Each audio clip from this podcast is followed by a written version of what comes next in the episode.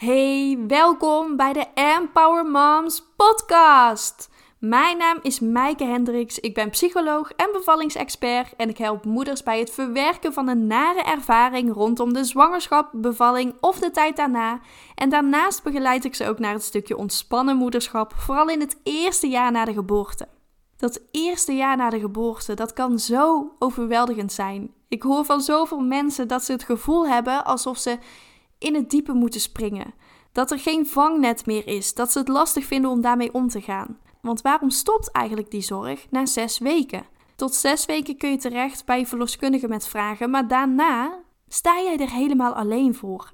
En natuurlijk is er het consultatiebureau bij wie je terecht kan voor vragen. Maar hoe vaak maken we daarvan gebruik? Die drempel om echt te bellen is best wel groot. En eigenlijk is het consultatiebureau er ook meer om vragen te beantwoorden met betrekking tot je kindje en minder met betrekking tot jou. Dus echt heel veel moeders en heel veel instanties met wie ik spreek, die geven allemaal aan van we missen dat vangnet. Ik heb vanochtend een gesprek gehad met iemand van de GGD die mij voorbij zag komen en ze had mij een bericht gestuurd met jou moeten we hebben. Jij bent gespecialiseerd in die eerste tijd na de geboorte. Jij bent gespecialiseerd in bevallingstrauma's. Wij spreken heel vaak vrouwen die hier tegenaan lopen. En we zoeken eigenlijk nog iemand naar wie we ze kunnen doorverwijzen. Want er bestaat natuurlijk zoiets als de poppolie waarbij je terecht kunt in het ziekenhuis. Maar dat is voor heel veel vrouwen toch wel echt heel erg heftig. En daar gaan ze niet heel prettig naartoe. Dus ze waren eigenlijk op zoek naar een iets laagdrempelige manier om uh, deze vrouwen hulp te bieden.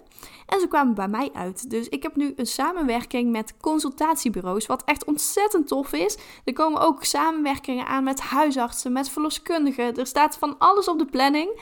En Power Moms groeit enorm, dus daar ben ik super trots op. En voor jou is het ook gewoon heel erg fijn, want je hoeft dit niet alleen te doen. Er zijn mensen die er voor jou zijn, die jou kunnen ondersteunen tijdens deze tijd. Deze tijd is zo'n bijzondere ervaring. Die komt ook niet meer terug, hè? Die eerste tijd samen met je kindje.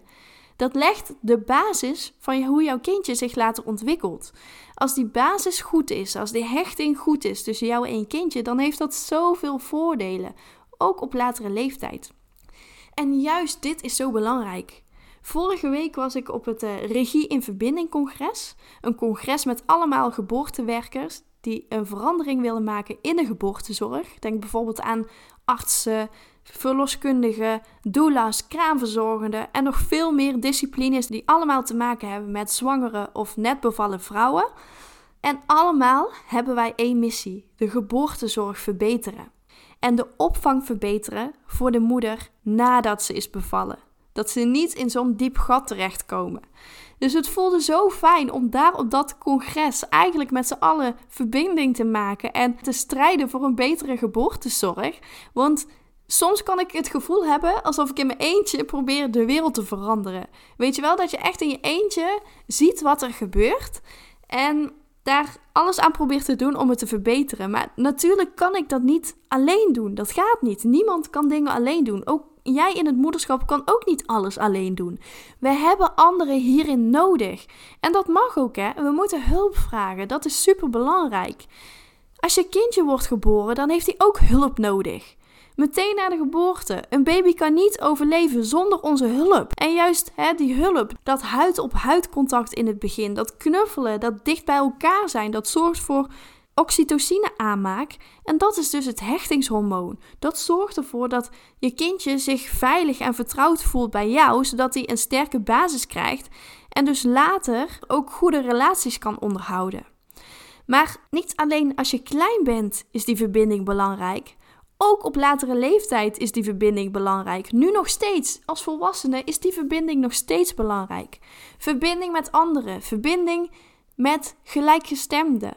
Het gevoel hebben dat jij niet de enige bent die dit doormaakt. Want jij bent niet de enige die hier doorheen gaat. Er zijn zoveel meer moeders die precies hetzelfde doormaken als jij. Maar we zien dat heel vaak niet. En we kunnen ons echt enorm machteloos voelen. En we kunnen ons enorm eenzaam voelen in dat proces. En daar gaat mijn vuurtje van branden. Daar wil ik iets aan doen. Want ik gun het jou zo om deze tijd samen met je kind te genieten om echt een fijne tijd te beleven samen, zonder dat er iets in de weg staat. Want dat hebben we allemaal nodig.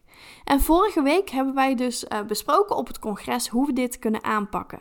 En we hebben onder andere besproken hoe een geboorte minder gemedicaliseerd kan worden. Want hè, je bent niet ziek als je moet bevallen. Tegenwoordig wordt er al heel vaak gezegd van, oh je moet in het ziekenhuis bevallen, want met deze indicatie is het echt nodig om in het ziekenhuis te bevallen.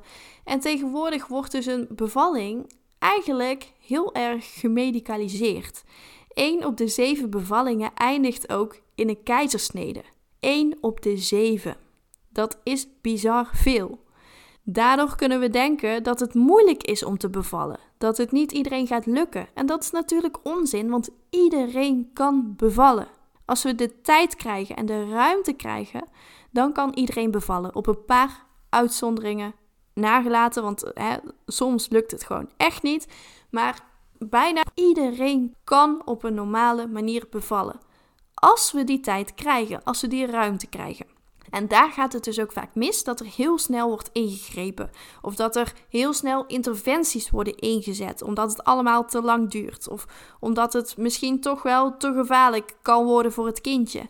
En ik snap dat dilemma van zorgverleners heel goed. Want je kunt beter te vroeg ingrijpen dan te laat ingrijpen. Maar er is ook een risicoafweging die heel erg belangrijk is. Van hoeveel risico is er echt voor deze vrouw, specifiek voor deze vrouw.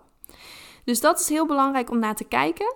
Een ander ding wat we hebben besproken is hoe er meer aandacht gegeven kan worden aan de wensen van de bevallende vrouw en haar partner. Want heel veel vrouwen maken een bevalplan. En er wordt soms niet eens naar gekeken. Niet uit desinteresse, maar vaak echt uit tijdgebrek. En dit is precies het probleem in de geboortezorg: dat er te weinig tijd is.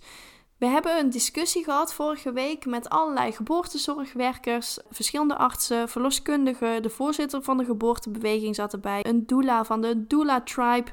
En allemaal zeiden ze precies hetzelfde: dat het de tijdsdruk is. Ze willen wel kijken naar een bevalplan. Ze willen wel aan de wensen voldoen, maar ze hebben vaak geen tijd. Er ligt zoveel druk op hen. Er is zoveel wat ze moeten doen. Er komt zoveel op hun bordje. Wat ervoor zorgt dat ze dus minder goede zorg kunnen leveren aan de bevallende vrouw. En dat is best wel kwalijk. Maar dit heb je niet zo 1, 2, 3 verholpen. Dat is echt heel erg lastig. Die tijdsdruk, hè, het personeelstekort, ja, dat is gewoon een ding in de geboortezorg. Dus hoe kunnen we ervoor zorgen dat deze vrouwen toch een positieve bevalervaring krijgen? Daar hebben we het over gehad. Onder andere hè, dat het heel belangrijk is sowieso als bevallende vrouw om constant te zeggen van hé, hey, ik heb dit in mijn bevalplan staan en dit wil ik. Echt goed je wensen aangeven. En we hebben besproken hoe we moeders meer kunnen ondersteunen in het prille moederschap, zodat ze zich ook minder overweldigd gaan voelen. Ik vind het heel raar dat die begeleiding eigenlijk na zes weken stopt. En ik snap hè, dat verloskundige niet nog maandenlang contact kan blijven hebben met je als je bevallen bent. Maar waarom is er geen andere zorgverlener die die taak overneemt? Waarom kun je wel terecht bij het consultatiebureau voor je kindje en ze vragen, hè, als het goed is, ook naar jou hoe het gaat. Maar waarom word jij niet gewoon standaard gebeld met de vraag: hey, hoe gaat het nou met jou als moeder? Hoe voel jij je nu echt? Hoe ervaar jij het moederschap? Dat zou toch zoveel meer voordelen opleveren. Dat zou toch heel erg fijn zijn als jij je in dat stukje meer gesteund voelt. Dat jij echt het gevoel hebt van: ik mag mijn verhaal hier doen. Ik mag praten over waar ik mee zit en niemand vindt dat raar. Want het is ook niet raar, hè? Jij bent niet raar. Het hoort erbij. Het kan heel overweldigend zijn en dan is het fijn om hierover te praten met anderen. Waar we het ook over hebben gehad, is hoe we ervoor kunnen zorgen dat er minder traumatische bevallingen voorkomen. Want 10 tot 20 procent van de vrouwen in Nederland ervaart haar bevalling als traumatisch. En bij een eerste kindje ligt dit zelfs boven de 20 procent. Meer dan 20 procent kijkt negatief terug op haar bevalling. Dat is echt heel erg veel. En natuurlijk spelen er heel veel factoren mee, waardoor het heel lastig is om dit allemaal aan te pakken. Want een traumatische bevalling kan bijvoorbeeld komen door allerlei verschillende oorzaken, zoals slechte communicatie, slechte informatie door de zorgverlener, of je niet gehoord of gezien voelen, allerlei verschillende complicaties die optreden. Maar ook het lastig vinden om zelf de regie te pakken en zelf je wensen aan te geven. En natuurlijk kan dat lastig zijn. Als jij een gynaecoloog hebt die zegt van nee, dit moet nu gebeuren, dat is super belangrijk, is er die ruimte eigenlijk ook niet om daarover in discussie te gaan. Maar wat iemand ook zei op het congres, en dat vond ik eigenlijk wel een hele mooie: de arts weet over een klein gebiedje iets meer dan jij. Hij of zij heeft jouw levenservaring niet. En hij of zij maakt jouw zwangerschap niet mee. Dus op dat gebied, jouw levenservaring en jouw zwangerschap, ben jij jouw eigen expert. En daarom is het goed om samen te werken. Om te kijken van oké, hoe kunnen wij ervoor zorgen hè, dat onze expertises op elkaar aansluiten. Dus de arts op het medische gebied en jij op basis van jouw levenservaring en jouw zwangerschap, hoe jij die hebt beleefd. En samen kun je dan tot een mooie bevalling komen. Maar dat zul je wel samen moeten doen. Ja, samenwerken is dus nodig. Samenwerken met elkaar, samenwerken met je kindje, samenwerken met zorgverleners. Echt die verbinding zoeken met elkaar en verbinding maken met wat jij nodig hebt. Daar draait het allemaal om. En niet alleen tijdens je bevalling, maar ook tijdens je verdere leven. Hè? Want weten wat je wilt en elkaar helpen om dat te realiseren. Want je hoeft het zeker niet alleen te doen als moeder. Vraag hulp. Echt waar. Vraag hulp als jij het even niet meer weet. Als jij het even niet meer ziet zitten. Als je het te druk hebt. Misschien wil de buurvrouw wel een brood voor je meenemen. Of wat dan ook. Hè? Wil die vriendin wel iets voor je doen. Maar vraag zelf om hulp. En dat vinden we lastig. Daarin zit echt wel een blokkade bij de meeste moeders. Want we willen anderen niet tot last zijn. Maar we zijn anderen daarmee absoluut niet tot last. Want draai het eens om. Als iemand jou om hulp vraagt, dan vind jij het toch alleen maar fijn om die ander te helpen. Dat geeft jou een goed gevoel en je doet het heel erg graag. En zo is het ook met die ander, die helpt jou ook heel erg graag. Maar je zult het vaak wel zelf moeten vragen. Dus trek de stoute schoenen aan en vraag om hulp. Of dat nou op je werk is of op het gebied van moederschap of iets anders in je privéleven, maakt niet uit. Maar hè, alleen samen kun je die positieve verandering maken. Je hoeft het niet alleen te doen. Ik doe het ook niet alleen. Ik vraag ook regelmatig om hulp. Zowel op privégebied als op werkgebied. Ook nu door naar dat congres te gaan en te verbinden met anderen. Omdat ik weet dat wij met z'n allen veel sterker staan en met z'n allen veel meer voor elkaar kunnen krijgen. En zo is het dus ook bij jou. Met meer mensen krijg je dus ook meer voor elkaar.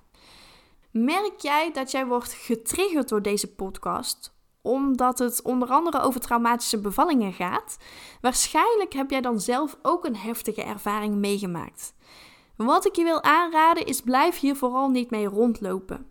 Er zijn heel veel mensen bij wie je terecht kunt. Bespreek het eerst met je partner en met de mensen om je heen. En mocht jij dan het gevoel hebben van hé, hey, het helpt me niet zoals ik zou willen, schaam je niet om echt professionele hulp in te schakelen. Ik heb zelf een hele fijne manier die ervoor zorgt dat jij in twee uur tijd jouw heftige ervaring hebt verwerkt. In twee uur tijd kun jij neutraal terugkijken op die gebeurtenis. Je hebt geen last meer van dat verdriet, van die woede, van die boosheid. Je merkt ook in je lijf dat het wat rustiger is. Hè? Die brok in je keel is weg, die druk op je borst is weg, die knoop in je maag is weg. Je kunt terugkijken met een beter gevoel. Hè? Je laat je niet meer overweldigen door alle emoties. En kunt zelfs weer bevallingsfoto's of een bevallingsfilmpje kijken, wat je voorheen misschien niet kon. Dus als jij dit ervaart, schaam je er niet voor. Er zijn heel veel moeders die precies hetzelfde meemaken als jij. En hoe zonde is het als dit jou in de weg blijft zitten in jouw moederschap? Want het heeft niet alleen effect op jou, maar dus ook op je hele gezin, op je partner, op je kindje. En dat is zo jammer. Dus er is iets aan te doen. Dus wil je hier meer over weten? Ga dan naar mijn website www.empowermoms.nl/tbt. Op die pagina vind je alle informatie over hoe jij deze heftige ervaring kunt verwerken. En kun je ook een gratis Empower Call inplannen, zodat ik even met je meekijk of deze techniek geschikt voor je is. Dus we kunnen gewoon eventjes gratis bellen als jij twijfelt of het jou gaat helpen. Want deze techniek is niet voor iedereen geschikt. Het is alleen geschikt als het een eenmalige gebeurtenis was en het een herinnerbare gebeurtenis was. Dus niet als iets heel erg lang, hè, meerdere keren is voorgekomen, dan helpt dit niet. Maar bijvoorbeeld voor een bevallingstrauma is dit daarom perfect. En ik zou eerder aanraden om deze techniek in te zetten dan uh, bijvoorbeeld een heel lang zwaar traject met EMDR. En dat zeg ik vanuit mijn ervaring in de psychologie, maar ook vanuit mijn ervaring in de verloskunde. Dus wil je hier meer over weten, ga dan naar www.empowermoms.nl/slash TBT. En wie weet spreken we elkaar. Ik wil je enorm bedanken voor het luisteren naar deze podcast. En tot de volgende keer.